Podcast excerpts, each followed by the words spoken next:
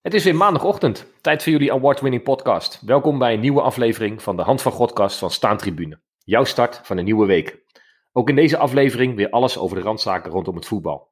In aflevering 24 hebben we natuurlijk weer onze vaste items. De vergeten speler, de Maradona quizvraag waarbij je het Staantribune verrassingspakket kan winnen. En praten we weer bij met Jelle Dame, de Nederlandse speler in Tsjechische dienst. Maar zoals altijd beginnen we het nieuws met het nieuws van afgelopen week. En uh, zoals je hoort doen we deze week even net anders. Uh, luisteraars uh, gerustgesteld, want Jeroen is er wel degelijk. Goedenavond uh, Jeroen. Goedenavond Roy. Goedenavond. Ja, en inderdaad, de, de, de presentatie is in handen van degene die vorige week verstek liet gaan. Dat, het lichtje ging even uit. dus excuus.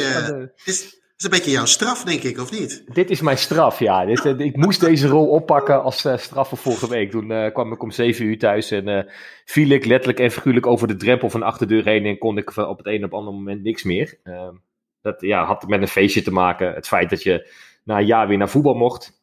En dan, ja, ja. Dan, dan ken je het wel, je wil nooit meer naar huis je, je komt de ene naar de andere bekende kop tegen die je een biertje toe uh, schuift. Of, of andersom. Hè, van hé, hey, Grappie, lang niet gezien, kom even een biertje drinken. En nou, voor je het weet heb je er veel te veel op. Niet gegeten, ja. allemaal excuses. Maar ja, dat, er kwam echt geen woord meer uit. Dus Ino, nogmaals dank voor het invallen. En ja. laten we eens even kijken hoe dat deze week bevalt met ja, aan de andere kant van de microfoon, zou ik maar zeggen. Ja. Um, heb je een goede week gehad, Jeroen? Uh, eigenlijk dezelfde als de afgelopen uh, 60 weken, denk ik. We zijn nu denk ik wel 60 weken verder, hè? Ja. Sinds, uh, sinds, sinds de lockdown. Maar, sinds de laatste. Maar ja, goed, het komt steeds dichterbij voordat we weer het, het hok echt in mogen, denk ik. Dat gevoel komt in geval Jij bent nog niet geweest na vorige week? nee, mijn laatste was daar in Nederland was PSV Emmen. Daarna ben ik nog wel, zeg ik dat goed? Moet ik even goed denken. PSV Emmen, dat was nog dit seizoen, toch? Uh, in ja. september misschien. Ja, ja. ja nee, dat is mijn ja, Wanneer wij tegen Emmen hebben gespeeld, wij bedoel ik even Ajax, uh, kan ik me nog wel herinneren trouwens. ja. Nee, flauw. We moeten het er nog niet eens. heel even over hebben. Nee, nee, nee niet over hebben, maar uh, nee, we hebben bij stilstaan toch? we hebben een nieuwe kampioen in Nederland. En ja, dat is toevallig ja, mijn club. we hadden er geen. Ja, we hadden er we geen. Hadden er geen. Nee, vorig jaar natuurlijk abrupt einde. AZ deed verwoede pogingen om toch de, de, de titel te krijgen, maar nee, ja, ja, helaas voor hen uh, hield het op. Dus we hebben weer een nieuwe, een kerstverse kampioen. En uh, ja, dat was voor de 35e keer. En uh, ik weet niet, dat is toch ook wel weer een mooi lustrumjaar of zo. Het telt niet verder, maar ja, 35 is weer, is weer mooi naar 34. We, we zijn dan weer een stapje dichter bij, bij de 40, hè, zoals dat voor... ja. Ah, ik zie de, die, die, die, die geven nogal om die sterren op dat shirt. Dus nee, ja, we zijn weer een stapje dichterbij. Dus ja, dat is lekker. Ja, nee, daar kan ik me iets bij voorstellen. Ja. Ik, uh, het is natuurlijk wel jammer dat je, volgens mij is dat nog wel een beetje gebeurd, maar niet het, het feestje misschien kunt vieren zoals je nee. dat uh, altijd nee, dat blijft zou willen, zeg maar. Weet je, we hebben de, de beelden gezien dat, dat het podium er staat in een leeg stadion en je krijgt een schaal uitgereikt. En de spelers ja. deden nog een, een alleraardigst en vrolijk dansje. Ik zag zelfs Ten Hag nog, nog gek dansen. Er zal waarschijnlijk wel wat muziek in het stadion afgespeeld zijn, maar nee, dit, dat, dat is echt heel treurig het voelt altijd als zo'n, uh, nou altijd, het is nu dan de afgelopen jaar natuurlijk, heb je meerdere uitreikingen gezien. Maar als zo'n dansje bij, uh, als je iets gewonnen hebt bij FIFA, online of zo. Ja, ja, ja. Dan heb je op het podium staan allemaal van die mannetjes, allemaal hetzelfde. Maar de een ja. met een uh, bruine haar of gele huid, een beetje ongemakkelijk te dansen. Dat idee krijg je er altijd een beetje Nee, klopt. Bij, klopt. Wel even dus, nog hartjes voor, uh, voor David Neres. Ik weet niet of, uh, of heel Nederland daar zo over denkt. Maar als daar een feestje gevierd wordt. En dan ben ik heel blij dat we iemand als David Neres uh, in de selectie hebben. Die ja, elk filmpje wat er gemaakt wordt weer een glimlach op je gezicht brengt. Dus om die reden mag hij blijven. Nou, ik, um, als je, ja. ja. Nee, je ik heb er niet veel naar gekeken, sorry. Nee, ja. nee, je hebt groot gelijk. Dat, dat moet je ook helemaal niet doen. Ik, ik ga morgen voor mezelf alles even terugkijken. Want ik heb, heb ook niet veel gezien, moet ik heel eerlijk zeggen. Mijn zoontje was jarig vandaag. Dat, dat vond ik nog net ja. even iets belangrijker dan uh, het kampioenschap tegen Emmen. Die, die, die wel te verwachten viel. En morgen kijk ik op mijn gemakje alles wel even terug. Um, en, en ja, eerlijk gezegd was ik nogal verrast door andere uitslagen op de Nederlandse velden. Want als er nou één gedoodverfde degradant zou zijn dit, deze week, dan, dan was het wel ADO Den Haag. Ja. Een instituut van een voetbalclub, denk ik. In een grote stad met een, ja, altijd wel een mooie, ja, soms ook wel een beetje een dubieuze reputatie. Maar wel een club die, wat mij betreft, altijd in de eredivisie zou moeten spelen. Ja, die hebben het totaal verkloot al twee seizoenen op rij. En ja. degradatie leek, leek dichtbij. Maar ook die weten dan weer, weer een, een laatste strohalm te vinden. Ja. En dat was gelijk. oh, sorry, ja. Nee, nee, nee, dat klopt helemaal. Inderdaad, over Den Haag gesproken. Inderdaad, instituut ook op, uh, op de kleppen, in de Klepperijhoek. Mijn ja. uh, eerste kennismaking met Den Haag, dat was nog FC Den Haag. Uh, 1992, de promotie degradatiewedstrijd tegen Go Ahead. Uh, ik was bijna 12 en we speelden eerst, uh, de eerste finale verloren van de nacompetitie van Den Bosch.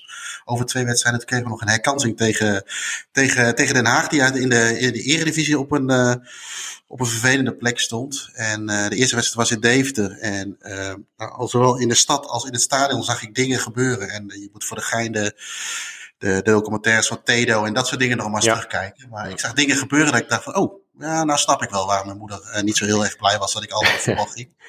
En waar ik hoopte op een reguliere 3-0 overwinning door alle rellen en alles in het stadion, werd dat gewoon 3-0 op, uh, op, uh, op uh, gewoon nadat de wedstrijd was uitgespeeld. Ja. En uitwonnen we zelfs nog met 0-1. Ging er een heel klein select groepje die daarheen kon en mocht. En ja, er was ook, ik heb later ook nog wel spelers erover gesproken die, die die wedstrijd gespeeld hebben. En ook jongens die daar geweest zijn als supporter. En dat was een heel bijzonder dingetje. En, uh, maar um, voordat we beginnen, uh, trouwens, ja, uh, nee, voordat we verder gaan, we vergeten iets. Vergeet iets, ja. Ik kan wel jij... de presentatie op me nemen, maar ik moet niet het belangrijkste nee. van de hele podcast natuurlijk vergeten. ik, ja goed, ik zit gewoon weer met mijn Guinness. Ja, maar ik zag jou, jou een, een heel speciaal biertje zitten. Nou ja, inderdaad. Ik had dus vandaag een verjaardag. Een, een kinderverjaardag. Maar ook dan mag je best een biertje drinken. Zeker als je club wint. Je zit veel buiten, dus ja, mijn gewone bier was op. En uh, toen kwam ik nog een doos tegen. We hadden het er net al eventjes over. Ja. Um, met het fantastische merk Kordaat van de Lidl. Ja. maar ik moet zeggen, dat is een prima biertje. En, ja, ik heb, nee, dit is lullig om, om dat te drinken. Maar ja, goed, het was het enige voorhanden. Het, het zijn ook van die handzame flesjes. En ja. nou, het is, het, is, het is prima te drinken. Uh, maar dit is niet een wekelijks iets uh, dat ik uh, hier heel erg kordaat aan zal prijzen om, om daar wekelijks deze podcast mee te vullen. Maar ik had nu even niks anders meer, dus dat doe ik het er maar even mee. Proost. Helemaal prima, toch? Ja, proost jongen. En ja.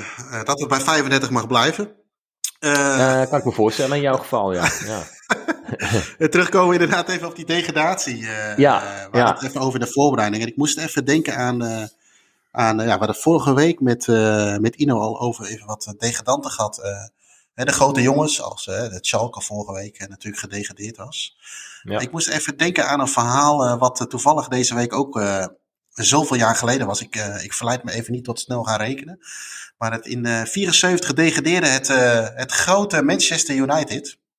Uh, waar we dat nu ook uh, prima nu wel zouden willen zien, zeg ik uh, enigszins subjectief. Nou ja, met wat ze net gedaan hebben in het stadion en de strenge Premier League.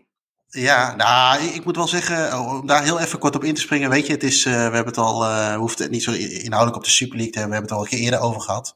Maar ik denk dat het goed is dat het een keer, dat het een keer gebeurt. Ja. En dat, dat, dat de supporters, de echte fans, hè, niet de uh, de, de, de, mensen die televisie kijken of uh, in een ander werelddeel wonen, overigens die goed recht hebben om, om voetbal te kijken. Maar in principe zou het moeten draaien om, uh, om de supporters in het stadion. dat ze even hun, hun zegje hebben gedaan. Ja. En ik moest ook wel lachen om gasten die dan toch weer met een bal gaan spelen of een cornervlag meenemen. Of, die omhaal, die wordt fantastisch, ja. Als je dat het toch loopt, weet je. En er wordt één gozer die zit op het, op het, op het doel en die wordt er dan weer, die wil er uitklimmen en schiet iemand weer een bal in het net en flikkert hij weer uit het net en dat soort ja. dingen. Dus nee, dat is, dat is zeker prima. Ik vind overigens wel dat ze gewoon drie punten in mindering moeten krijgen. En, en een 0-3 reguliere overwinning voor de bezoekende ploeg. Heel toevalligerwijs uh, Liverpool. Hey. Nou ja, over instituten gesproken. Natuurlijk twee grote clubs tegen elkaar. De derby van Engeland, denk ik. Maar inderdaad beide clubs die... ja, waar, waar de Super League omheen zweemde, is dat Nederlands? Ja, zwermt of zo, ja, inderdaad. Ja, ja nou goed, en, en, dat vind ik van, voor die clubs vind ik dat zo zonde, want die zijn inderdaad vanuit de jaren 50, 60 ontstaan en steeds grotere club geworden. Kijk, een City is al lang um, geen normale club meer. Uh, jammer genoeg, hè, want uh, City was mm -hmm. op Main Road natuurlijk een lekker Engels clubje, wat uh, verder prima was. En ja, dat is zo megalomaan geworden dat ik denk, ja, verkoop dan ook maar je hele ziel en ehm, begin lekker zo Super League, ga in Qatar voetballen en val, val me er verder niet mee lastig. Maar dat, ja. dat zou voor een club als ook Manchester United, Liverpool, uh, ook wel Real Madrid en, en, Barcelona, dat zijn natuurlijk ook wel echt instituten van clubs. Ja, die moeten dat niet doen. Maar goed, uh, inderdaad, hoeven het verder niet meer over te hebben. Ehm, want dit, dit, dit bruggetje is iets te lang inmiddels richting jouw verhaal die je denk ik wil vertellen over de degradatie van Manchester United, hè? Ja, daar kun je niet lang genoeg bij stilstaan bij zulke soort feitjes. nee, het, het, het, mooiste aan, de, aan dat verhaal is, het was in, uh, in 74 en, en, het verhaal wat daar omheen zit, uh, is dat het kwam door een hakbal van Dennis Law. nou ja, Dennis Law was, een, was natuurlijk een legende op, op Old Trafford. ooit begin jaren 60 overgenomen van Torino voor toen een tijd een recordbedrag van uh, 115.000 pond. Ik vind dat uh, nu nog steeds best wel veel geld, maar uh, de bedragen liggen natuurlijk nu wat hoger. hij, de, de, Schot die speelde uiteindelijk um, 11 seizoenen voor United en scoorde daarin 237 doelpunten. Alleen Bobby Charlton en later Wayne Rooney scoorden er meer. Bobby Charlton en George Best, ja, dat was de voordeel van het toen. En dat kun je, ja, dat kun je best kan ik een woordgrapje gebruiken, maar een, uh, een legendarisch trio noemen. Uh, het werd dan ook de Holy Trinity genoemd. En uh, ja, goed, het heeft ook niet voor niks een standbeeld buiten Old Trafford gekregen. maar toch lijkt de, meest beroemde goal van, van Law eentje te zijn tegen United. in zijn laatste seizoen als prof verliet hij United en ging spelen voor, ja, voor, de, voor de buurman City, Manchester City. En uh, overigens speelde hij daar uh, ook uh, twee jaar voordat hij naar Torino ging. Dus het was geen vreemd terrein voor hem. En het werd hem ook niet echt kwalijk genomen, omdat hij al genoeg had betekend voor het rode gedeelte van Manchester. En in het seizoen 3-74 hadden de United supporters overigens wel veel meer belang bij het winnen van hun wedstrijd tegen hun rival dan, dan normaal. Want op 27 april 1974 uh, eh, stond die derby weer op programma. En uh, ja, United stond er eigenlijk uh, vrij beroerd voor. Er moesten nog twee wedstrijden gespeeld worden. En ja, ze stonden eigenlijk onderaan. de wedstrijd tegen City die zou eigenlijk gewonnen moeten worden. In de toenmalige First Division. En ze moesten dan ook hopen dat Birmingham, wat, wat 19e stond, zij stonden zelf 20e, zou verliezen bij Norwich. Uh, nou acht minuten voor tijd uh, stond het nog 0-0. Toen uh, ja, Lol een, uh, een vreemd balletje aangespeeld kreeg. En vrij instinctief de bal met een hakje achter de doelman plaatste. Ehm, nou, de bal ging erin, 0-1. hij kon het niet echt opbrengen om te juichen, natuurlijk, om, vanwege zijn verleden bij, bij United. En hij voelde, het voelde voor hem ook echt wel als hij United aan het had laten degraderen. En zo staat het ook een beetje in zijn geheugen gegrift. Uh, echter, het verhaal is uh, iets wat mooier dan, uh, dan het is. Want Birmingham die won namelijk van Norwich. Dus het resultaat had helemaal niet uitgemaakt. dus, maar goed, het was geen, geen troost voor Law. Omdat het, ja, hij zegt later ook, het is wel een van mijn beroemdste goals geworden. En die zit gewoon hieraan vast. Dus helaas hebben wij hiermee een misschien een beetje een mythe ontkracht voor de mensen die dat nog, nog niet wisten. ik wist het eerlijk gezegd ook niet, totdat ik er van de week een beetje indook. Maar we het gewoon ophouden dat het hakballetje door een eigen speler United is uh, gedegradeerd, toch? Ja, zeker. Ja, die, uh, die mythe mag wel uh, in ere blijven, zeg maar. Ik, ja. over Dennis Lang gesproken, dat, bij mij gaat er dan altijd een belletje rinkelen richting Dennis Bergkamp. Het ja. zo'n leuke. De, de vader van Dennis Bergkamp, die was groot fan van, van Dennis Law.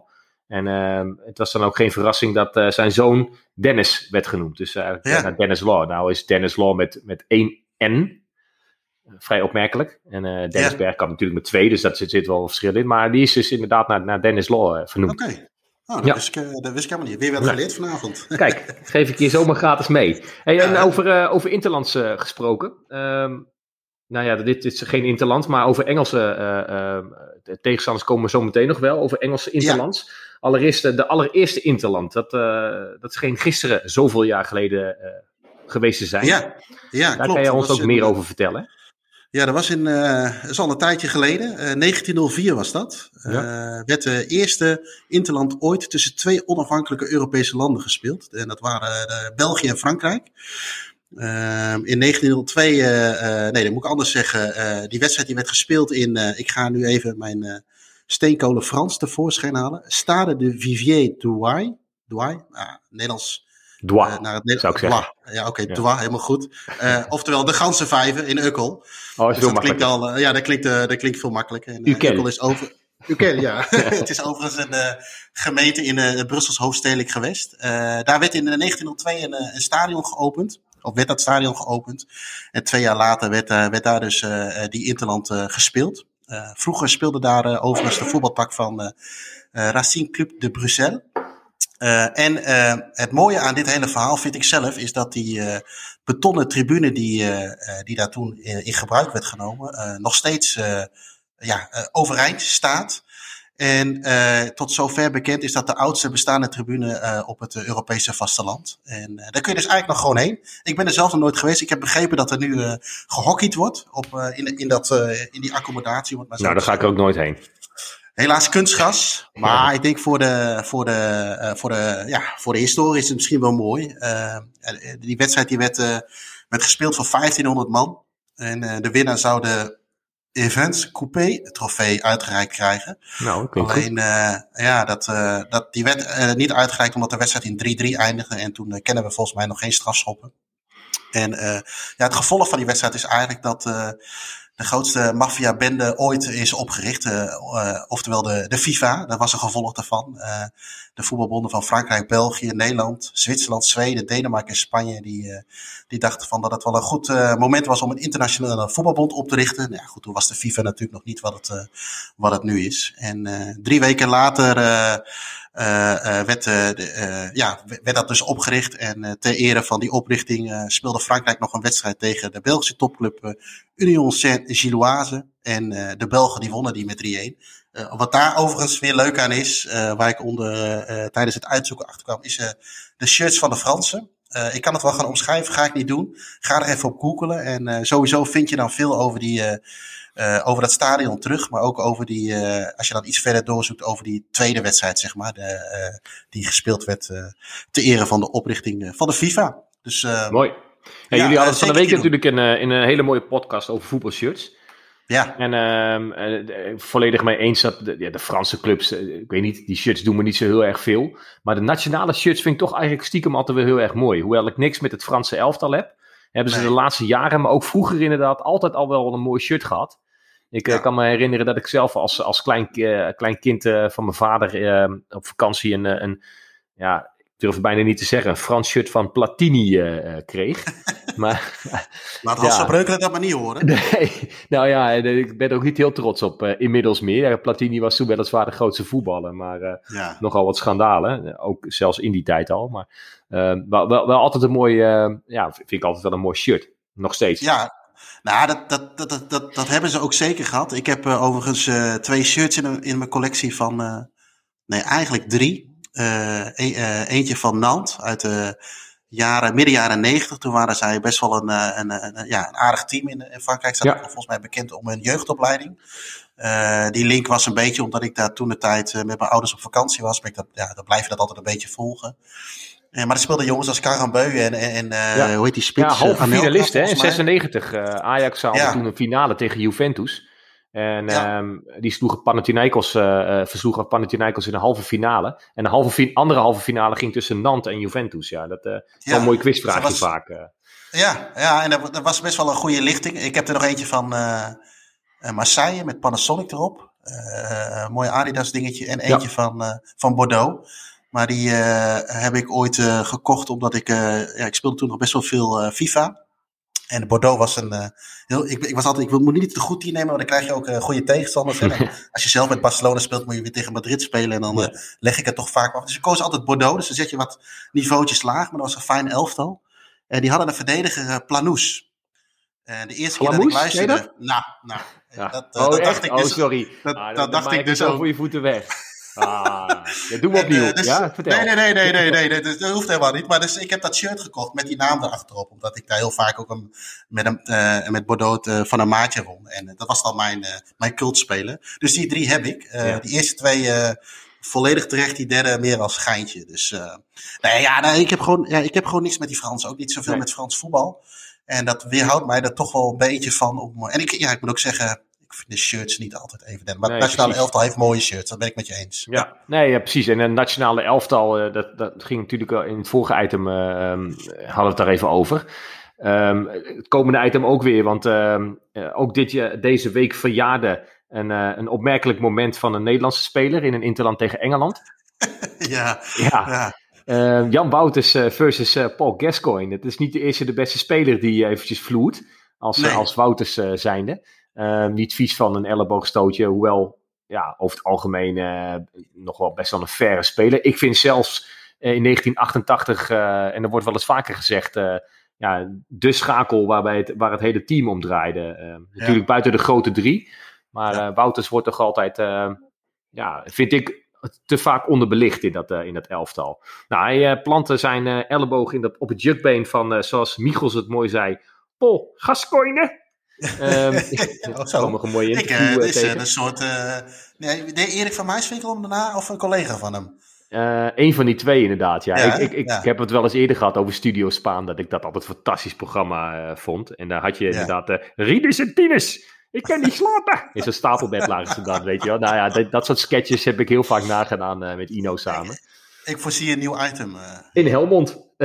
in het ja, stapelbed lagen we ja. Rinus en Tines uh, na te spelen. Ja, maar uh, ja, inderdaad. volgens mij was het een interland in 1992, 93? nee, ja, het was voor, voor de WK-kwalificatie van 94. Dus het zal waarschijnlijk 93 geweest zijn. Ja. En, dat was op Wembley. Maar ja, dat was een beetje de, de prime van, van Gascoigne zelf natuurlijk. Die had een fantastisch WK gespeeld met Engeland. Een halve finale gehaald met ja, een beetje uiteraard van de Duitsers weer verloren. en ook nog naar penalties. Als je toch ook een land hebt met een penalty syndroom, is het ook heel lang Engeland, Engeland geweest. Ja. En ja, wij zaten natuurlijk dat, dat WK 1990 bij, bij hun in de pool samen met Ierland en Egypte. En uh, dat WK was voor ons natuurlijk een vrij uh, groot drama, zeker uh, na het winnen van het EK twee jaar daarvoor. En, maar Gascoigne was daar echt, echt op zijn top. En ja, die haalde, Jantje Wouters was eigenlijk zijn, ja, hoe noem je dat? Die, die, die schaduw overal over het veld. Hè. We zijn, zijn directe tegenstander. En Gascoigne die haalde echt het, het bloed onder de nagels vandaan bij, bij Wouters. Dus die, ja, die elleboogstoot waar jij op doelt, dat, dat had al een beetje een voorgeschiedenis. En uh, je hebt ook één foto, daar zie je uh, eigenlijk dat Kesco heel erg treiterig uh, richting Wouter staat. En dat was naar aanleiding van een ja, vrij forse tackle op Wouters. Nou was hij zelf natuurlijk wel wat gewend. Maar je moet voor de gaan ook die foto maar eens googlen. Dat is best wel, best wel typerend. Ja. En ja, toen in 93 zaten we voor de kwalificatie voor het WK 94 in Amerika zaten we bij hun in de pool. En toen was het nog zo dat er maar één land doorging. Dus het was of Engeland of Nederland. Goede quizvraag overigens wie de andere landen waren. Dat durf ik even niet te zeggen. Ik haak ook af. Eindtoernooi ja. is niet mijn sterkste punt. En, maar goed, we speelden eerst op Wembley. nou ja, de Engelsen die kwamen al op het oude Wembley overigens. die kwamen al vrij snel op voorsprong. In de eerste minuut al door een fantastische vrije trap van, van John Barnes. En twintig minuten later maakte David Platt uh, al de 2-0. Oh, dus mooie, mooie speler uh, vond ik dat altijd, David Platt. Platt, ja. Sampdoria. Ja, ja. Uh, hij heeft met nog een Italiaanse club gespeeld, toch? Heeft hij bij Juve gevoetbald? nee, weet was het Juve of ja, Turijn? In ieder geval Torino? Nee, ja, of Juve denk ik, ja. dat zal goed. Juve. Ja, denk het Maakt wel, niet uit, maar goed, hij maakte de, maakte de 2-0. En ja, de wedstrijd leek eigenlijk wel een beetje de verkeerde kant voor ons in ieder geval op te gaan. En uh, ja, in een uh, rechtstreeks duel uh, met luchtduel met Gascoigne en Wouters planten Wouters zijn elleboog vrij bewust op het hoofd van, van Gascoigne. En die probeerde het nog wel eventjes, maar we hebben die beelden allemaal nog wel, tenminste van onze generatie, nog wel redelijk op ons netvlies staan. En hij moest zich toch laten vervangen en het resultaat was inderdaad een gecompliceerde jukbeenbreuk. Nou ja, voor, elk nadeel heeft zijn voordeel, laten we dan maar zeggen. Uh, die wedstrijd die kantelde volledig. En uh, Bergkamp die scoorde overigens voor nog een fantastische aansluitingstreffer. Uh, met een lopje over, ja, zoals eigenlijk alleen hij dat kon, over Chris Woods heen. En nou ja, goed, in de tweede helft wordt Overmars nog een keer vlak voor de wedstrijd, of vlak voor het einde van de wedstrijd neergehaald. Penalty. En toen stond ineens onze Zeeuw was het volgens mij, hè? Of ja. is het volgens mij? Ja. Peter van Vossen op. Ja. En uh, die benut, benutte heel koeltjes de 2-2. Best bij de eh, hand trouwens, om op Wembley als invaller. Ja, Ja. en dan heb je wel, heb je wel, eh, heb je wel eh, ballen van, eh, van staal, zeg, van Ja. eh, zenuwen van staal. Dat is het volgens mij. Ballen van staal dat is een, is een andere film. Eh, en, eh, maar het mooie aan die kwalificatie vond ik overigens ook nog die return in Rotterdam. eh, met, eh, met Koeman, die natuurlijk eh, diezelfde plet eh, eigenlijk neer, doorgebroken neer hadden en rood Ja. had moeten hebben. En die scoorde toen nog een eh, mooie vrije trap. En ja, die hele serie die wordt eigenlijk mooi weergegeven in een, eh, in een documentaire. Die gaat over die bondscoach toen de tijd van, eh, van Engeland. Graham Taylor in de hoofdrol. Ja. Een Impossible Job. Heb je die gezien? Nee, heb ik niet gezien. Jij wel. echt, ik. ja, die moet je even kijken. Dan wordt hij ook. eh, hij, wat je veel ziet bij Engelsen natuurlijk, die zijn best wel keurig, netjes. Hè, totdat er natuurlijk een sloot bier in gaat en ze zijn op het vasteland. Maar vanuit de basis zijn ze vrij netjes. En uh, ja, hij zegt ook gewoon tegen die grensrechter van, ja weet je, jij betekent gewoon uh, het einde van mijn baan. Maar op een hele nette manier, waar elke trainer enorm uit zijn plaat was gegaan, blijft hij gewoon nog steeds die keurige gentleman. En dat zie je in die documentaire heel, heel mooi terug. Dus ik ga hem zeker een keer kijken. Volgens mij is hij wel op YouTube te vinden. Een impossible job. En uh, ja, goed, ik vermoed dat Paul die elleboog niet zo snel zal vergeten, denk ik. Nee. Nee, over vergeten. Ik maak even een bruggetje, Jeroen. ja. Heel goed, heel goed. Helemaal niet volgekookt hoor, verder ook. Uh, je verslikt je bijna je Guinness. Maar uh, nee, Jim uh, is, heeft verstek laten gaan. Hij is aan het, aan het vegeteren. Ik weet niet of hij in Helmond zit. Um, in ieder ik hoop het niet voor hem. Nee, ik ook niet. Want daar, daar zijn ja, en wel mooie herinneringen hoor. Maar dat is te lang geleden. Uh, net als de, de, speler inderdaad die we deze week gaan uitlichten in het item De Vergeten Speler. Uh, niet, niet met Jim, maar uh, ook hier eh, had ik strafwerk te doen. En ik mocht in een heel mooi verhaal duiken. Dus laten we daar even naar gaan luisteren.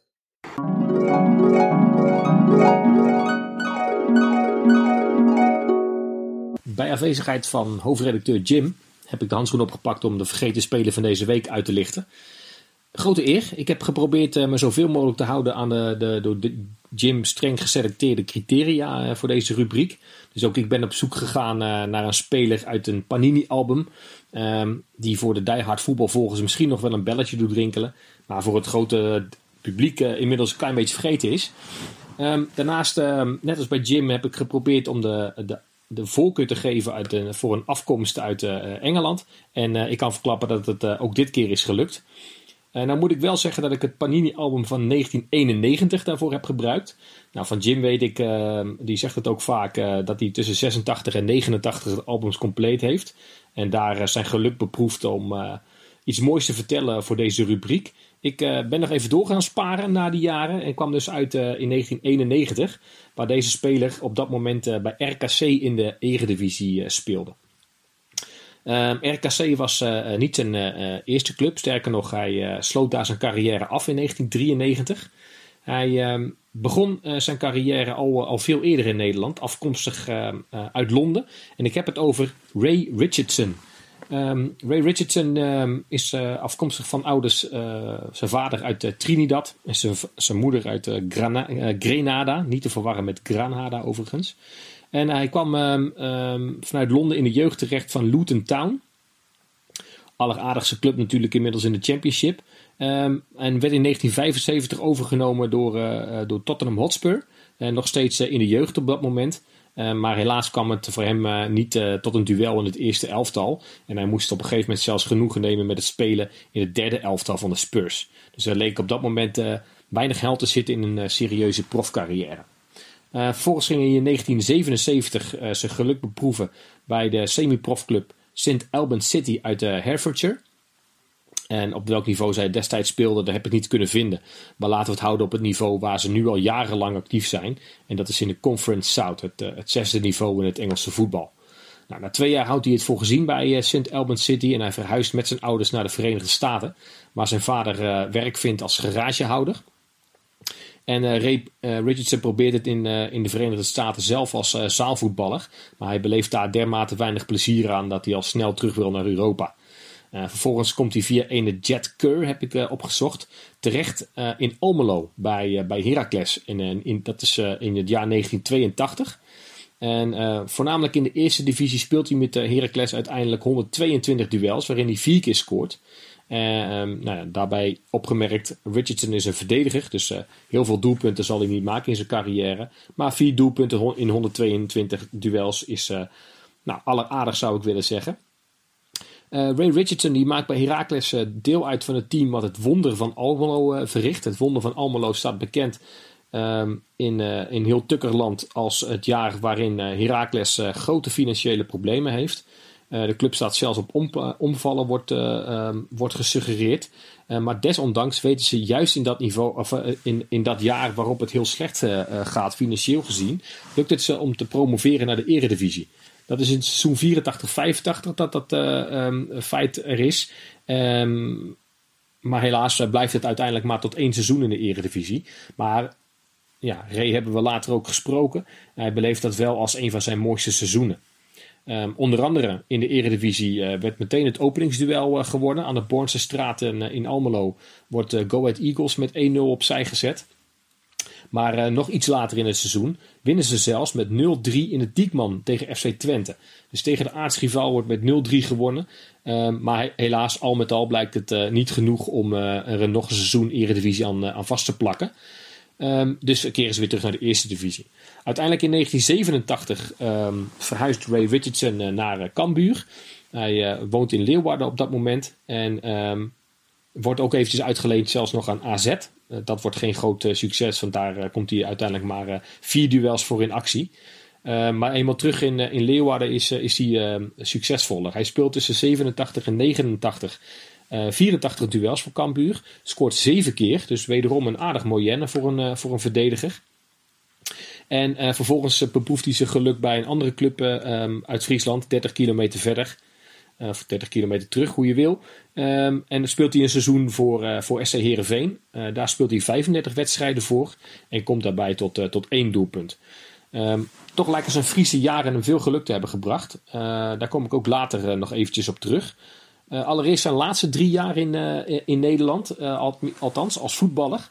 Van 1990 tot 93 speelt Richardson in Brabant bij RKC. En dat is dus ook de pagina in 1991 van mijn Panini-album waar ik hem tegenkom. En dus ook geïnteresseerd raakte om verder onderzoek te doen naar deze parel in de voetballerij, mogen we wel zeggen.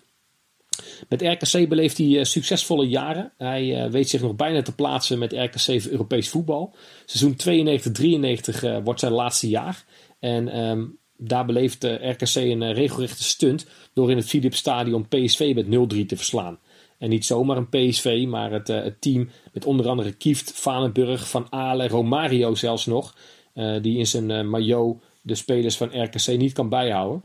Um, nou, Uiteraard zoek je dan even naar beelden en uh, via YouTube kom je onder andere de doelpunten tegen. Uh, onder andere ook de 0-3 van Van Hoogdalem, uh, die dat via door een schitterende oud-Hollandse koprol te doen. Dus voor de luisteraars zeker eventjes op gaan zoeken. Want je doelpunt vieren met een koprol, dat, dat telt dubbel. Um, sterker nog, het wordt zelfs nog later bijna 0-4 na een prachtige loopactie van Richardson over de linkerflank. Maar helaas weet de spits hem er niet in te prikken. Um, Richardson komt uh, met RKC tot 75 duels. Uh, wederom een mooi aantal. Eén doelpunt. Uh, en in 1993 eindigt dan ook de profcarrière van Ray Richardson in, in Nederland. En vestigt hij zich wederom in Leeuwarden. Nou, na wat speurwerk kwam ik er nog achter dat hij bij de Broekster Boys heeft gespeeld in het Friese Damwoude. Um, en ja, bij datzelfde speurwerk is het natuurlijk geweldig dat je ja, uh, via Google in dit geval achter de, uh, hetgeen komt wat uh, Ray Richardson nu bezighoudt. En zo stuit ik op het feit dat um, Ray Richardson momenteel een, een lederen tassenzaak, nou niet alleen tassen, maar een, een leather shop, zoals hij het zelf mooi zegt, runt in Sint-Anna parochie. Dus daar waar Nederland ophoudt en verdwijnt in de, in de Waddenzee, daar runt Ray Richardson dus een, een, een leather shop. Um, en ja, daar stond ook een, een telefoonnummer en een, en een e-mailadres uh, bij. Dus ja, dan zijn wij van Staantribune wel zo om eventjes de telefoon te pakken en kijken of je deze uh, speler nog te spreken krijgt. En waar Rempel, we hadden contact met Ray Richardson. Um, helaas niet opgenomen, maar um, uit het gesprek, alleraardigste man, kwamen we al heel snel achter. Vertelde hij ons dat hij inderdaad terug is gekeerd naar, naar Friesland, naar Leeuwarden, omdat zijn toenmalige vriendin daar geboren is. Uh, dus liefde bracht hem uiteindelijk uh, terug in, in Friesland. Uh, maar Ray die kwam al snel in het bekende zwarte gat voor voetballers terecht. En zat maandenlang werkloos thuis. nou, dat moet dan ergens rond 93, 94 zijn geweest. Totdat hij eigenlijk bij toeval in contact kwam met zijn oude trainer, de legendarische Frits Korbach. Uh, die was toen ook nog trainer bij, uh, bij Cambuur. En hij bracht uh, Richardson in contact met oud Cambuur-speler en legende Jan Rietstra die op dat moment een autopoetsbedrijf runde. Ray voelde zich zeker niet te goed of te groot om hier aan de slag te gaan. Hij werd dus autopoetser. En hij was al lang blij dat Rietsa hem deze kans bood om weer wat te doen. En ook weer om wat, wat brood op de plank te krijgen op die manier. En zelfs na enige tijd kon hij zijn ervaring als autopoetser gebruiken om zelf zijn eigen autopoetsbedrijf te beginnen. Hij kocht een loods in Sint-Anna Parochie. Ik hoop dat ik het goed uitspreek. Ehm, inmiddels ehm, is daar dus ook een online uh, leathershop bijgekomen. maar hij werkt daarnaast nog steeds aan het verfraaien van auto's, caravans en boten. Een erg druk bestaan momenteel, aangezien veel mensen er in vakantietijd erop uit willen in eigen land. En hun voertuig aan Ray Richardson toevertrouwen, die daar nou, dan vervolgens ook goed voor zorgt. Um, een enkele keer wordt hij nog herinnerd aan zijn voetbalcarrière in Nederland. Ehm, hij benadrukt dat deze tijd van corona weinig goed kan doen voor het volgen van voetbal zonder publiek voor hem. Nou, daarin is hij denk ik niet de enige. veel van onze luisteraars zullen dat precies hetzelfde ervaren. Maar hij volgt nog wel de verrichtingen van Heracles en Cambuur.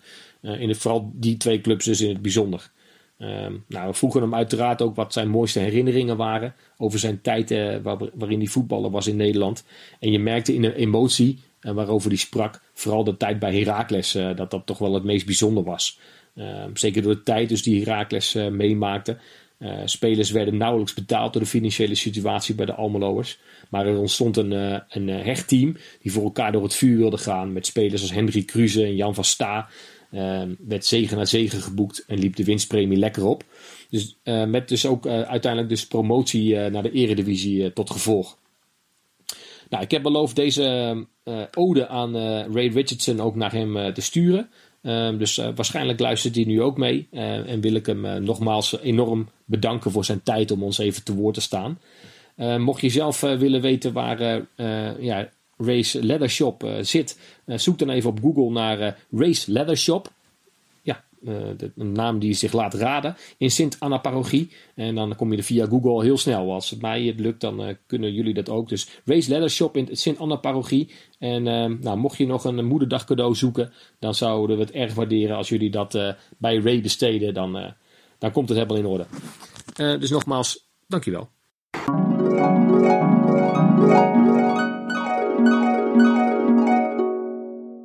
Yes. Ray Richardson. Wat een verhaal, hè? Ja, mooi man. Heb je al zo'n leren tasje of niet? nou, het is bijna moederdag. Dus ik, eh, ik, ik denk dat ik uh, wel eventjes een, uh, een, een tikkie overmaak richting Ray voor een mooi tasje. Ja, ja, ja maar prachtig verhaal, man. Ja, dat zo'n speler, een Engelse speler, uiteindelijk via dat soort clubs terechtkomt in Sint-Anna-parochie. Ja, dat vind ik wel. Uh, was, heel erg leuk om te doen. Dus uh, Jim, als je vaker op een weekendje weg wil, lekker doen. En ehm, blijf vegeteren. Dan, dan, ja, dan is het heel leuk om in dit soort verhalen te duiken. Ja, je was een, je was een waardige vervanger, Roy, wat dat betreft. Nou, dank je. Ik hoop het. Maar goed, het is ook wel heel mooi dat zoiets bij toeval ontstaat. Want ik, ik kende dit verhaal, zeker van het einde van zijn carrière, totaal niet. En dan is het heel erg leuk dat je er op die manier achter komt. Hebben het wel vaker over gehad. Ja, um, ja dus Ray Richardson, cult uh, voetballer, om maar eens het woord cult uh, te mogen gebruiken. We zagen deze week een, uh, een, een, tweetje voorbij komen vanuit de BBC en, en Gary Lineker, dat zij een, een, top 10 hebben samengesteld van cultvoetballers, die zij zelf nogmaals hebben samengesteld. Dus dan, dan, gaat het over Gary Lineker, Alan Shearer en Mika Richards. Het, het trio van de BBC die hebben een top 10 lijstje samengesteld van cultvoetballers in de Premier League ja, het is een lijstje met, ik vind, een beetje te voor de hand liggende namen. Maar dat komt mhm. natuurlijk ook vooral omdat ze niet per se Engelse voetballers uh, vanuit de hele historie uh, uitlichten. Maar uh, ja, sinds de invoering van de, van de Premier League. En daar ga je eigenlijk al een beetje de mist in met de term cultvoetballer in mijn optiek. Ja. ja. Um, ik kan ze al even alle tien heel snel opsommen. Moet ik even het, voetbal werd niet uitgevonden in 1992, hè, zeggen we dan altijd. Nee, zeker niet. Nee, kijk, cultvoetballers, dan hoef je eigenlijk alleen maar de, de Crazy Gang van Wimbledon op te noemen. Dan ben je al een heel eind. Maar ja, dat was voor de invoering van de Premier League. Um, dus uh, nou ja, die tellen helaas allemaal niet mee. Um, Faustino Aspria staat op nummer 10. Wel een mooie ja. speler natuurlijk. Uh, ik ga even do snel door het lijstje heen hoor. Dan hebben we uh, Chris Waddle op 9. Op 8 David Ginola toch wel de speler waarom ik uh, Spurs ben gaan volgen in de jaren 90. JJ Okocha. Nou, als je mij uh, vraagt een, uh, een leuke Engelse speler te noemen, dan noem ik vaak in het lijstje JJ Okocha wel. Matt Letitia. Nou, dat, die zou bij mij op één staan, denk ik. Ja. Hoewel, die komt dan straks ook nog wel. Ole Gunnar Solskjaer. Ja, doordat hij ja. nu coach is bij Manchester United, weet ik niet of de term cult op hem van toepassing is. Maar nou, vooruit. Nogmaals, wij zijn niet degene die dit lijstje hebben samengesteld. Uh, Paulo Di Canio, tijd bij West Ham. Ik vind hem tikje dubieus, gezien de dingen die hij daar ook wel gedaan heeft. Maar goed, als ja. we het cult noemen, vind ik het prima. Dat je vooral door blijft gaan met het bannen van social media campagnes. Nou, daar gaan we het verder niet over hebben.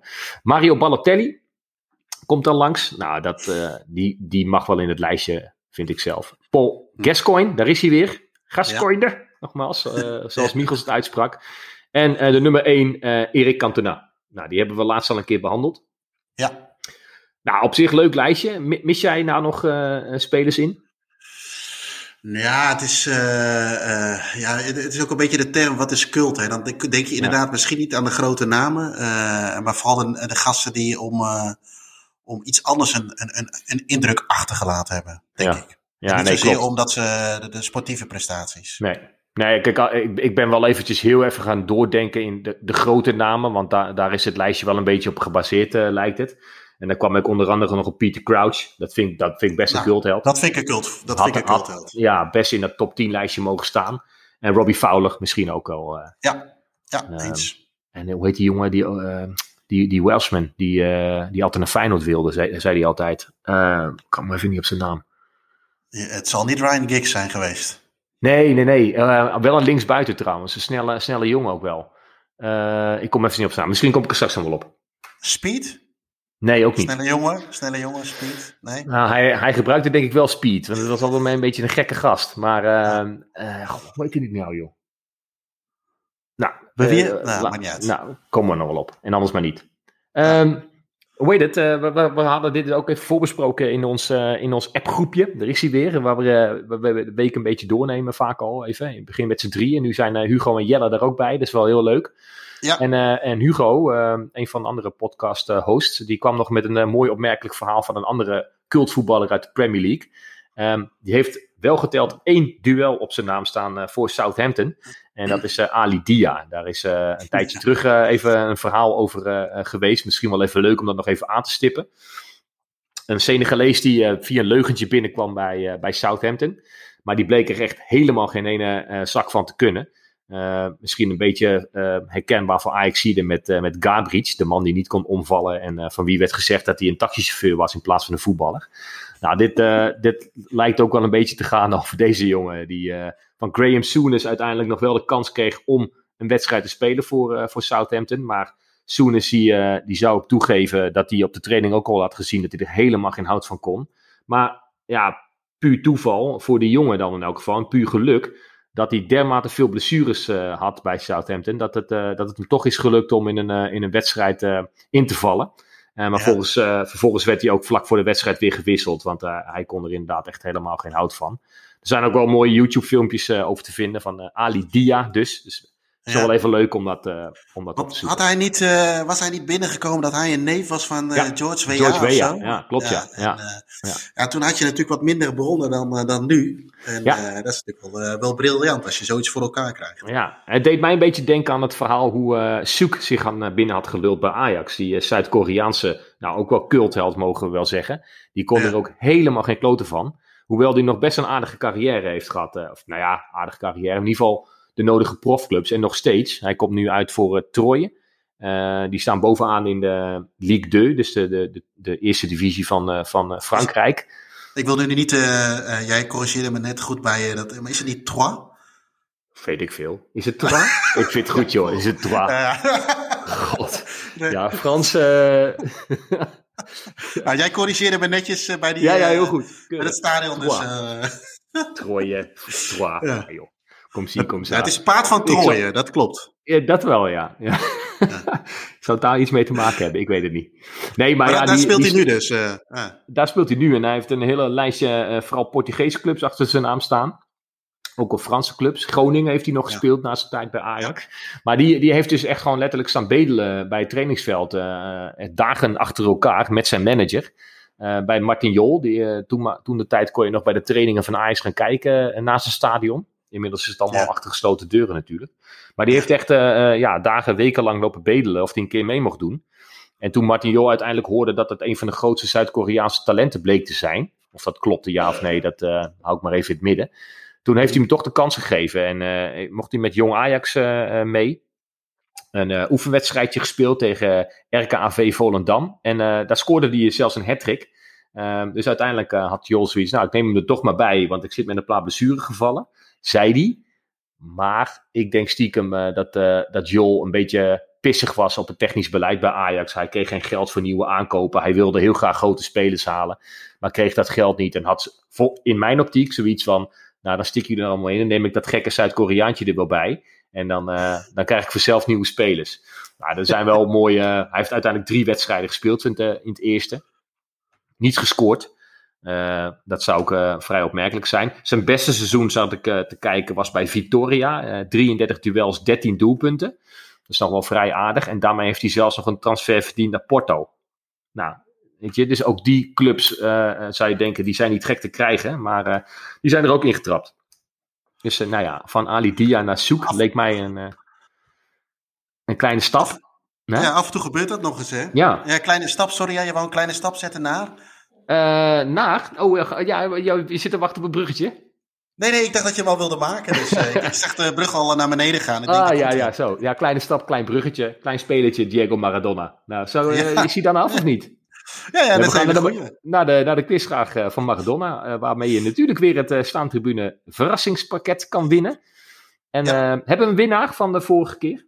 Zeker. we hebben, vorige week hebben we de vraag gesteld van hoeveel doelpunten maakte Maradona in het UEFA Cup toernooi van 88-89.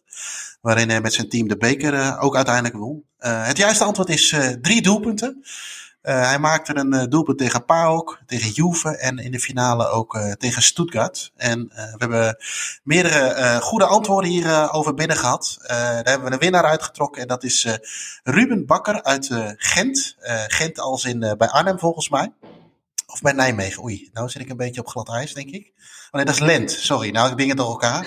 Gent en Lent. Ruben, gefeliciteerd. En jij ontvangt van ons zo snel mogelijk het Staantribune verrassingspakket. Uh, voor deze week hebben we uiteraard ook weer een, uh, een nieuwe vraag. Uh, laten we er even naar gaan, gaan luisteren.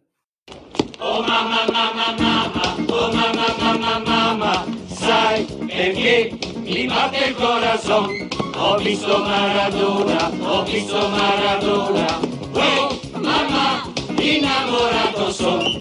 In 1982 maakte Maradona zijn eerste opwachting op een WK. Uh, dit draait echt uit op een teleurstelling voor zowel Maradona als Argentinië. Uh, het wordt in uh, de tweede ronde uitgeschakeld door aartsrivaal Brazilië.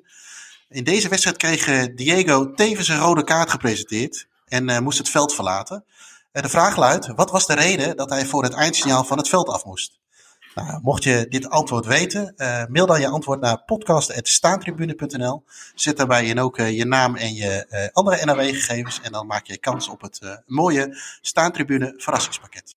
Oh mama, mama, mama, oh mama, mama, mama, sai perché mi batte il corazon. Ho visto Maradona, ho visto Maradona, oh mama, innamorato son. Yes, dat uh, is de, was de quizvraag over uh, Diego Maradona. Uh, wist jij hem? Of, ja, ja, het staat nog wel in mijn, ja, die, ook dat. Ja. maar ik, het, die staat nog wel redelijk in, in mijn geheugen gegrift. En toevallig zag ik laatst daar nog iets over tevoorschijn komen. Maradona is overigens sowieso nu weer in het nieuws, omdat men aan het kijken is of zijn dood voorkomen had kunnen worden. Ja. En ik geloof dat vandaag naar buiten is gekomen dat men hem wel een beetje naar die hersenoperatie, moet ik het goed zeggen, hè, die hij vlak voor net na zijn 60 had gehad. Uh, toch wel een beetje aan zijn lot heeft overgelaten. Dat hij wat betere verzorging zou moeten hebben. Ja. En uh, volgens mij wordt zijn uh, lijfarts en allerlei mensen die hem geholpen hebben, worden nu onderzocht. En volgens mij zouden ze 15 jaar cel kunnen krijgen. maar het geeft ook maar weer aan dat men altijd wel iets zoekt om met Maradona ja, bezig zeker. te zijn. Nee, de grootheid van Mar een, een, grootheid als Maradona kan niet overlijden, denk ik dat ze in Argentinië denken. Het is nee, natuurlijk de Jezus van het land. En dat kunnen ze niet verkroppen. En uh, ja, zoeken ze een manier wie daarvoor verantwoordelijk is. Dus het zegt ook wel weer genoeg over de status van, uh, van Maradona. Andermaal. Ja, ja eens. eens. Dus, uh, dus nee, dat, ik, ik, ja. ik, had het laatst nog die beelden nog weer gezien. En dat, was, dat was wel, ja, goed. Zoek ja. het op of kijk er ook nog even naar, want het zijn wel mooie, mooie beelden. Ja, absoluut. Hey, er was er deze week ook nog eens een week waarin we stilstonden bij een aantal ja, rampen. En ook uh, daar uh, moeten we het af en toe maar eens over hebben. Zeker als het rampen zijn van clubs, landen en dergelijke, die, uh, die niet wekelijks in het nieuws terechtkomen. In dit geval ook weer een, een vliegramp. Er zijn er ja, toch wel een aantal geweest. Wij stonden ze net voor de, het opnemen nog eventjes op. Um, ja. 28 jaar geleden was het onder andere het Zambiaanse elftal. Ja. Ehm, met een PSV-legende die, nou, nou ja, niet, gelukkig niet dat het in het vliegtuig zat. Maar vertel eens. Ja. Ja, dat was, uh, dat, of dat is, die legende is, uh, is. Sowieso niet alleen een, ja, ook nou, een, een, een, een, legende is misschien wat zwaar, maar wel een voetballer die in ieder geval op mij indruk maakte. Dat zat hem ook een beetje in. ik was vroeger linksbuiten, hij was ook vroeger linksbuiten.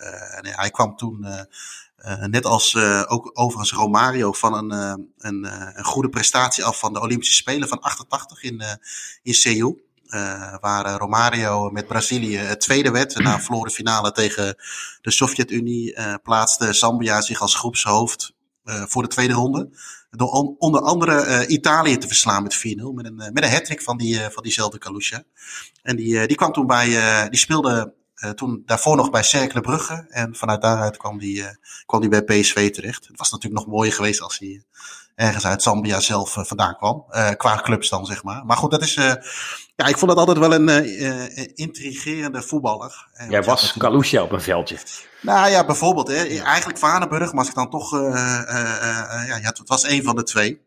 En voor de rest had je toch allemaal... Ja, weet je, toen had je nog die, drie, die regels met die drie buitenlanders. En dan krijg je ineens ja, dat klinkt misschien heel gek nu, maar hè, iemand uit Afrika in je elftal, waar je eigenlijk weinig van weet. En nu kun je het allemaal een beetje opzoeken. En ik had me er ook een beetje verdiept in die, in die Olympische Spelen. Romario, maar ook Bebeto, uh, Ricardo Gomez, Klinsman, uh, Hessler. Nou ja, dat soort jongens. En Michalichenko, van, die later ook nog de EK-finale zal spelen tegen Nederland.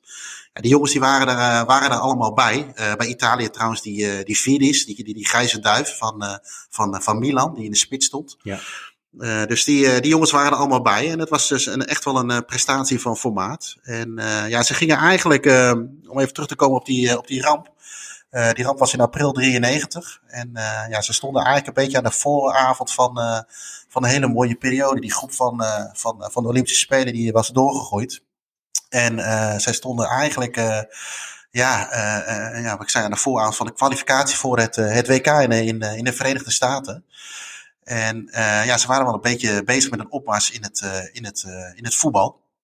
En volgens mij hebben ze daarvoor ook in vier, nee, dat is, dat is daarna trouwens. maar goed, die, vier, die, die, die vliegramp was dan 28 jaar geleden. En zij moesten eigenlijk een kwalificatieduel gaan spelen nou, voor, die, voor dat WK. En uh, op 25 april hadden ze nog een interland gespeeld tegen Mauritius. Uh, 3-0 gewonnen overigens. Uh, en een dag later zouden ze weer terugvliegen naar Zambia. En een dag daarop moesten ze eigenlijk alweer vertrekken voor de, ja, wat ik zei, die volgende kwalificatiewedstrijd in, in Dakar tegen Senegal. En de piloot die ze een dag eerder nog naar Zambia had gevlogen, die, die zat nu ook weer achter ja, stuur achter de knuppel. Wat knuppel, zeg je eigenlijk? Ja. Knuppel, inderdaad. En uh, dit keer wel met een, uh, met een ander vliegtuig. En uh, de luchtmacht van Zambia die had een, een, een, een vliegtuig geregeld. En die was niet, vier maanden al niet meer gebruikt. Maar dat, dat, blijkt, er was blijkbaar niet, geen reden om er niet mee te vliegen. En na twee testvluchten was dat. Uh, was dat toestelakkoord uh, bevonden om daarmee te vliegen. En wat later natuurlijk een fatale fout bleek. ze zouden terwijl ze naar Dakar zouden vlogen, zouden ze een aantal uh, tussenstops hebben. Uh, waaronder eentje in, in, in Congo, in Brazzaville, als ik het goed uit mag spreken. En daar werden wat problemen met motoren opgemerkt. En, maar ze besloten toch door te vliegen naar Libreville in, in Gabon. En eigenlijk na, direct na het opstijgen ja, merken ze dat er iets met die, met die motoren aan de hand is. En, en dat er eentje het begeeft.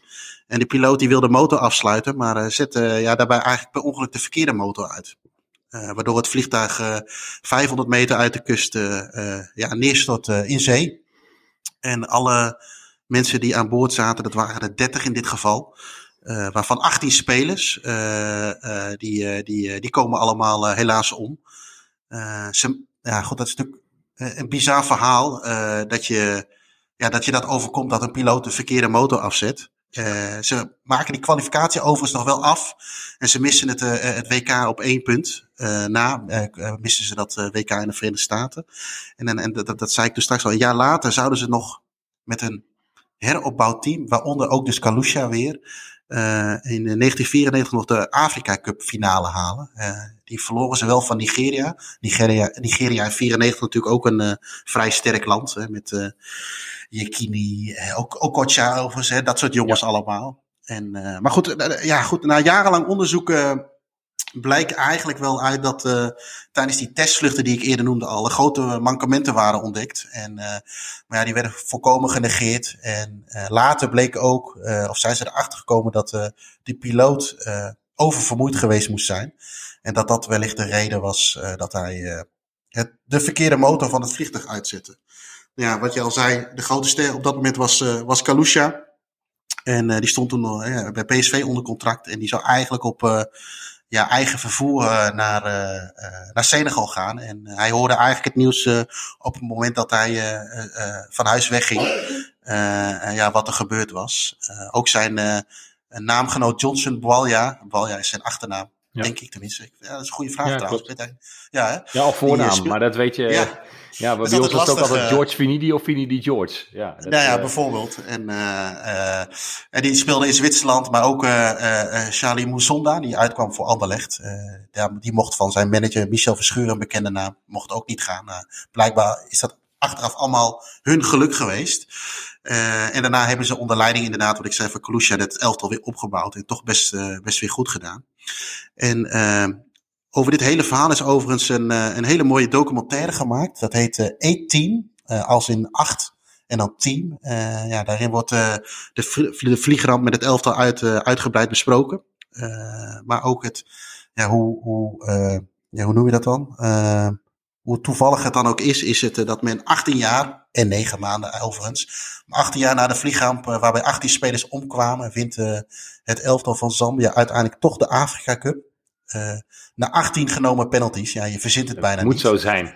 Ja, en uh, bovendien doet het elftal dat in uh, Libreville, hè, de, wat ik net al noemde, het, uh, in een stadion wat enkele honderden meters afstand van de plek van het ongeluk, ongeluk ligt. Ja, dat, dat zijn natuurlijk, ja, wat jij zegt, alsof het zo had moeten zijn. Ja. Maar dat zijn wel even van die momenten dat je denkt van, oeh, ja, weet je, zo'n zo'n zo'n 12 steden, 13 ongelukken, dat je op een of andere manier iets besluit Hè, PSV besluit dat jij toch nog moet spelen. Ja. Uh, Michel Verschuren besluit van nee, jij mag daar niet uh, in eerste instantie heen, want je moet ook eerst nog bij ons wat doen. En dat bepaalde keuzes dus ervoor zouden kunnen zorgen dat uh, ja, in dit geval zo'n zo'n ja, team... Dat, dat, dat het lot je toch redt, ja. Ja, ja, ja. En, en ja, wat jij al zei in het begin met die vliegtuigrampen. het zijn er natuurlijk meer. we hebben laatst die, dat Braziliaanse team gehad. jij kan het beter inderdaad, die. Jij spreekt een beter uit dan ik. Ja, het is gelukkig geen Frans. ja, ja, Joris en ik die zagen overigens bij San Lorenzo in Argentinië nog een mooie mural daarover. Want uh, dat scheen de laatste internationale wedstrijd van hun geweest te zijn. Ja, tegen, voordat tegen ze de finale speelden. Onderweg ja. naar de finale. Ja, en uh, in 49 heb je natuurlijk uh, Il Grande Torino gehad. Ja. Hè, die ook bij een vliegtuigongeluk omkwamen, waaronder Valentino Mazzola, aanvoerder en ster van het team. 58, de Busby Babes, Busby Babes van ja. Manchester United in, in München. Uh, nou, we, we, zagen ook nog, we hebben natuurlijk even naar gekeken. We zagen nog wat voor ons dan, of in ieder geval voor mij wat onbekendere namen. Green Cross in uh, 61. Een Chileens voetbalteam die uh, in een, boven de Andesgebergte van de radar verdween. The Strongest uit Bolivia. heeft dat, naam. Ja, inderdaad. Ook helaas neergestort waarbij 17 spelers om het leven kwamen. deze club zijn er niet zoveel. Uit Oezbekistan. Uh, als ik het goed uit mag spreken, Prachtakor Tashkent in 79. Oh, die. Bo ja, die nee, het is te treurig om daar uh, heel lacherig ja. over te doen hoor, maar nee, die maar club, de club zegt me niet, nee. nee. En boven, boven, Oekraïne overigens, daar hebben we helaas wat ervaring mee. Ja. Alianza Lima en natuurlijk niet te vergeten het kleurrijk elftal ja. in, ja. in ja, Ook zo'n zo'n zo'n verhaal waarbij het lot, onder andere een speler als Stanley Menzo, die ook mee zou vliegen en die, die zijn grote vriend... En uh, ja, ook onder de lap bij Ajax, uh, Lloyd Doesburg helaas wel in het vliegtuig zag stappen. Ja. En ja. uh, over Menzo is overigens een heel mooi boek verschenen deze maand. van, van Mike van Damme, die heeft een boek geschreven over Menzo. Die okay. deed het eerder over Liedmaan en, en Witsche onder andere. Dus die is goed in het behandelen van spelers die wel een bepaalde status hebben bij, bij de club. Een ja. cultstatus misschien wel. Nee, Menzo hoort daar zeker ook bij. Zeker ook vanwege zijn mooie keepershirt en zijn andere manier van keeper, zal maar zeggen. Ja, wat in de jaren tachtig natuurlijk wel echt uh, uniek was. Hè? En, uh, kleurrijk figuur. Absoluut. En, en dus een leuk Zeker boek, weten. wel een aanrader. Oké. Hey, we gaan het weer eens even over leukere onderwerpen hebben. Want dan uh, Ja. al deze rampen. Want eh hoewel over rampen Tsjernobyl kwam deze week ook voorbij. Maar daar gaan we het in de andere aflevering misschien wel weer eens keer over hebben. Want anders wordt het een eh, te treurige aflevering. Nou, toch wel, vind ik, een te mooi Ja. weekend. Ja. Ehm, een van de, eh, ehm, volgens mij ook Ajax-supporter, ehm, is eh, degene die in Tsjechië weer eh, hoopt tegen een bal aan te gaan trappen heel binnenkort. Eh, Jelle Dame. Hij, hij is weer onderweg naar Tsjechië. Hij is er eh, inmiddels zelfs al. Laten we even luisteren naar zijn eh, verhaal eh, van deze week.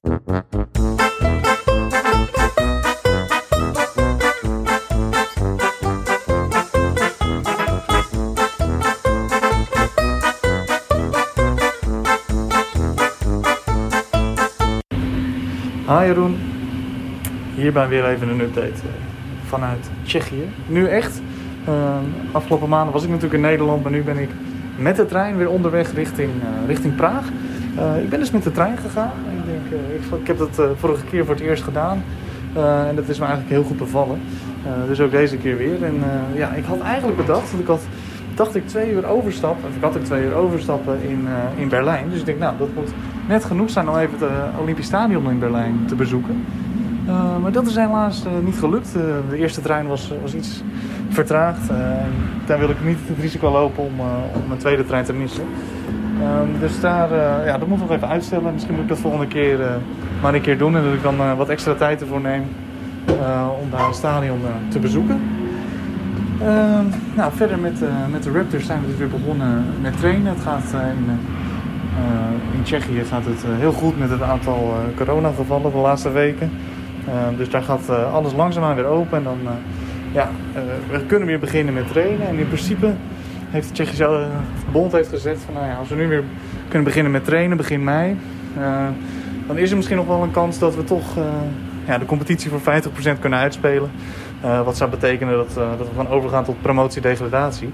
Eh, en dat zou voor de Raptors gewoon eh, voor ons heel, heel goed nieuws betekenen. Want eh, ja, wij moeten gewoon promoveren, want ja, we hebben alles nog gewonnen en we zijn eigenlijk een, ja, een maatje te groot voor, voor deze competitie waar we nu in spelen. Als het niet gebeurt, dus als we de competitie niet uitspelen, dan is er ook nog een kans dat we alsnog promoveren. Er gaat, boven ons gaat er een club gaat fuseren met een, met een andere club. Twee clubs boven ons dus. Eh, en er zijn ook nog wel wat geruchten over andere clubs die misschien gaan stoppen. Eh, dus we zouden op die manier misschien eh, ja, kunnen aanvragen of we toch mogen promoveren. Maar ja, het is nog allemaal een beetje onzeker. Ik ben in ieder geval blij om straks weer terug te zijn in Praag. En, daar weer met mijn eigen teamgenoten te kunnen trainen en die weer te zien. En hopelijk en ook weer snel competitieve wedstrijden spelen. Ehm, ja, ik zit in de trein. Ehm, ik ben nog niet gecontroleerd of ik een negatieve test bij me heb. Ik heb hem bij me. Kost wat geld. Ehm, maar ja, met de trein eh, zijn ze denk ik niet zo heel erg streng erop. Maar goed, je kan het risico ook niet, eh, niet lopen. Dus ik heb gewoon netjes een test. Maar, eh, nou, ik zie het. Ik eh, kom over een uurtje ongeveer eh, aan. Ehm, en dan eh, ga ik eh, me weer helemaal eh, eh, ja, in, in Praag eh, induiken in het, in het voetbal. eh, en in de stadions en hopelijk binnenkort ook weer wedstrijden bezoeken. Jeroen, ik hoop je volgende week eh, weer te spreken. En dan eh, wens ik jou nog een hele fijne podcast verder. Oké, doei doei.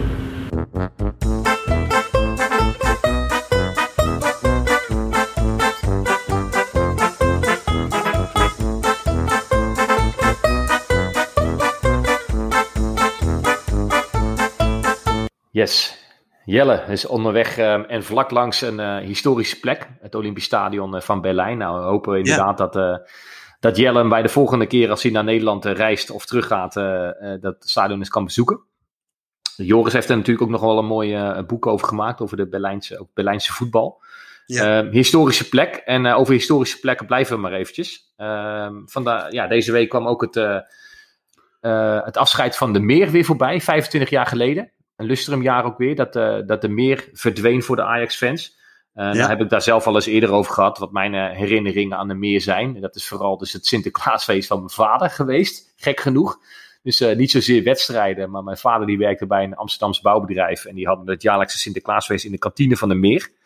bij tante Sien aan de bar. Dus ja, had ik me dat als jochie van vijf of zes maar gerealiseerd, dat het, hoe bijzonder dat was. Maar dat, dat de Meer een, een karakteristiek stadion was. Niet per se mooi. Nou schop ik misschien tegen de schenen aan van de, de, de, mensen die daar veel meer wedstrijden hebben gezien. Maar het werd wel genoemd een mooi huis in een grote tuin. Er zat heel veel groen, heel veel voetbalvelden. Ja, er Liggen natuurlijk prachtige, ligt natuurlijk een prachtige historie. Um, en het is inderdaad een stadion wat, uh, wat niet vergeten mag worden. Hoe, uh, ja, hoe zeer de arena inmiddels ook, langzaam maar zeker, ook omarmd is door de supporters. Is de meer het echte Ajax-stadion uh, natuurlijk nog steeds voor de mensen van mijn leeftijd en ouder. Ja, maar eens. er is een veel mooier verhaal die jij hebt voorbereid, Jeroen. Over, ik denk, het mooiste stadion van Nederland. Laten we daar maar gewoon eens heel eerlijk over zijn. En dat doet ook zeker mij geen, pijn. Eh, mogelijk. nee, precies. Nee. Dat doet mij ook uh, zeker geen pijn om dat te zeggen. Het, het, stadion aan de Vetkampstraat. Ja, nou, ik moet wel eerlijk zeggen, ik vind, dat zal bij jou iets minder de oor klinken. Ik vind de, laten we een gedeelde eerste plek doen. De Kuip en de Alassos is nou, voor mij nee, is goed, is goed. Kan ik, kan ik prima mee leven. Dat doet mij zeker ja. geen pijn. De Kuip en, is, is inderdaad fantastisch. Ja, die, er nog staat, hè. Laten we hopen. Ja, ja, ja. Man, man, man. Nou ja, die bestond, in ieder geval de, de stadion aan de Vetkampstraat, die werd in, uh, in uh, gebruik genomen in 1920. Uh, die zou dus vorig jaar, 100 jaar, zou de club daar gespeeld hebben. alleen er waren grote festiviteiten gepland en alles. Maar goed, we weten allemaal wat er afgelopen jaar is gebeurd in, in 2020. En daar konden ze helaas niet doorgaan, maar daar hebben ze 2 mei is dat geweest, de eerste wedstrijd tegen VOC. Uh, uh, hebben we dat eigenlijk deze week gevierd. eigenlijk dus vandaag. een van die dingen was onder andere door in het tenue te spelen van, van waar men toen ook in speelde. Heeft Hummel eenmalig nog een keer het recht gekregen om, om dat shirt te, te maken. Geen sponsors erop, of geen sponsoren erop. Uh, ja, eigenlijk zoals het shirt eruit hoort te zien. En zoals Ino geleerd heeft op basis van het template van de IJsselmeervogels. Ik dacht BNA Boys, maar...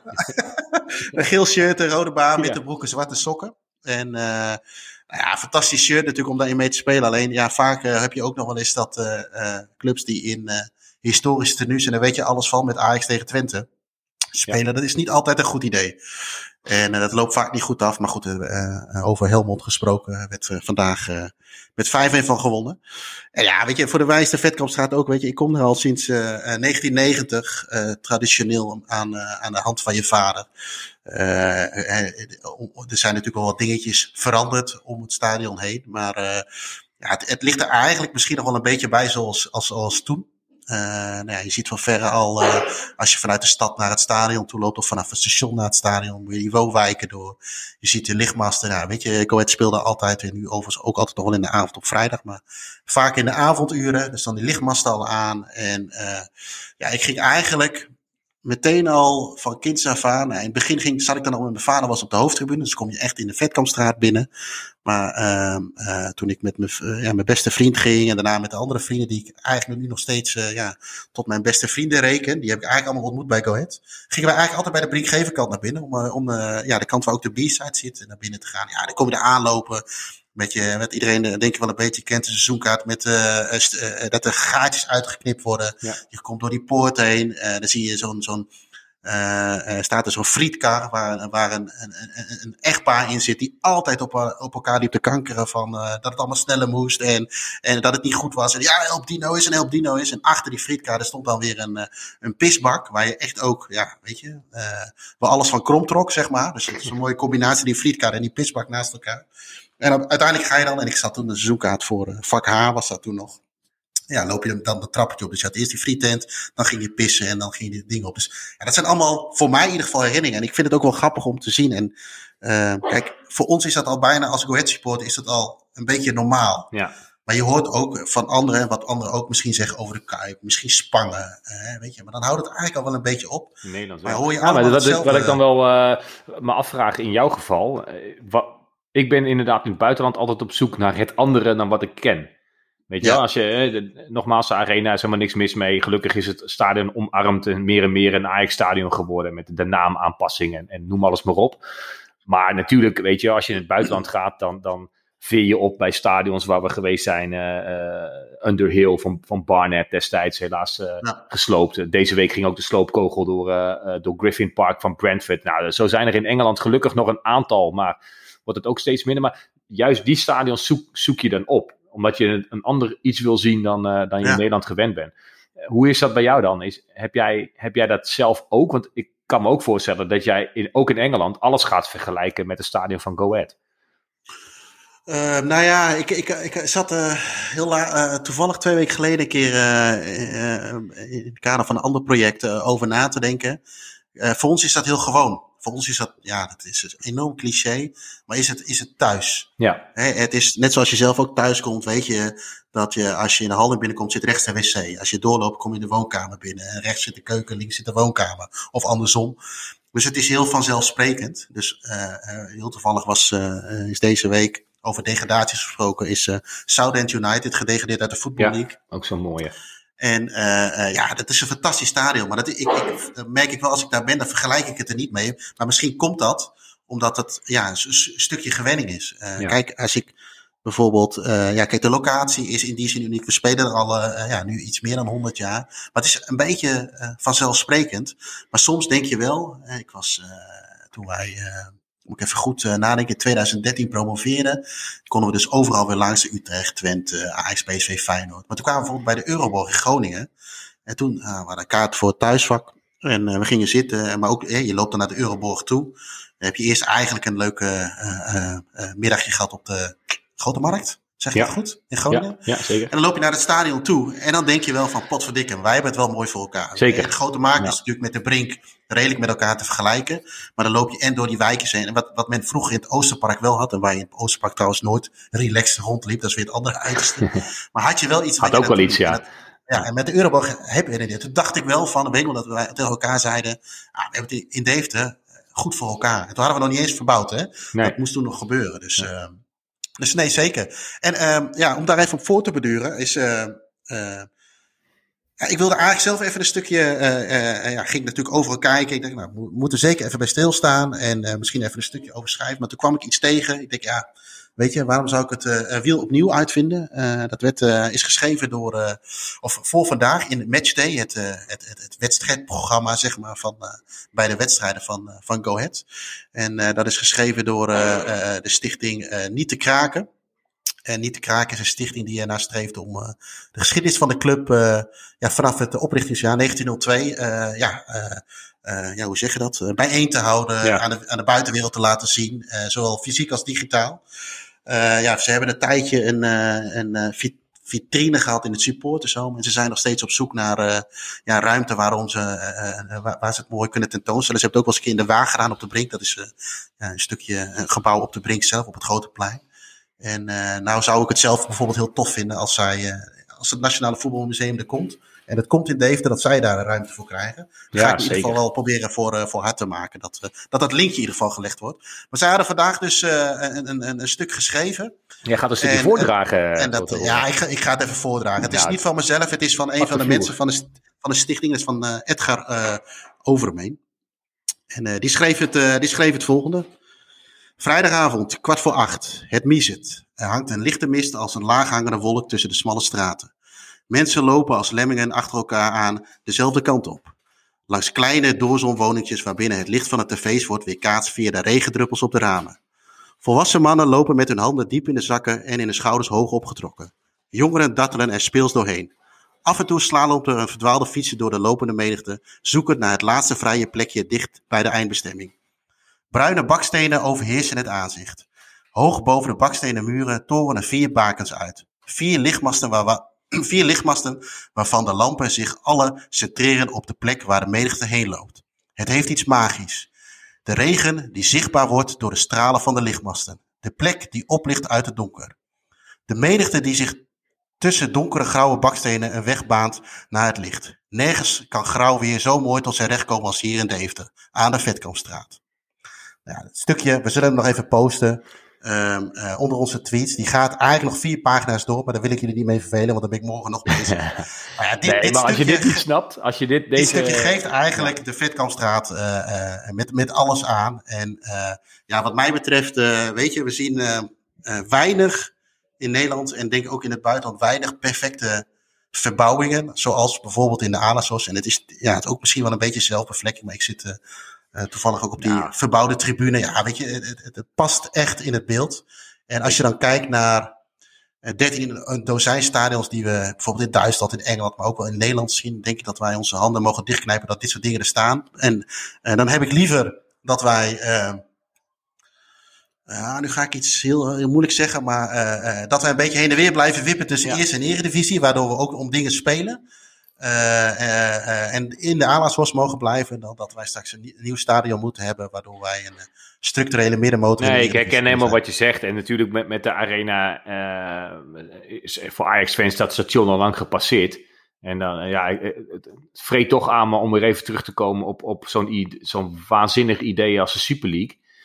Ehm, ik had dat voor mezelf ook. Hè. Stel, uh, Ajax die zou. Uh, dat ze het hoogste nastreven. En dat iedere club het hoogste nastreeft. Dat lijkt me alleen maar goed en, en gezond. En dat, dat moet je proberen. Maar op het moment dat er dingen komen als een Super League. Dan, ja, dan denk ik dat ik afhaak. Ik heb liever mijn verenigingetje dan terug. Hè. Dan, uh, als ik bij Ajax ga kijken, het, het, het lekkerste van de Ajax-wedstrijden zijn vaak zelfs de wedstrijden van jong Ajax op maandagavond op de toekomst, waar iedereen door elkaar heen krioelt, waar je nog lekker bij een, een frietkraampje en een puntzak kan, uh, kan halen. En uh, nou ja, gewoon ouderwets een beetje langs de lijn kan gaan staan en voetbal te kijken. Dat heb ik dan nog liever dan dat Ajax die miljarden achterna streeft van, van de Super League. Maar dat zal ook met leeftijd denk ik te maken hebben.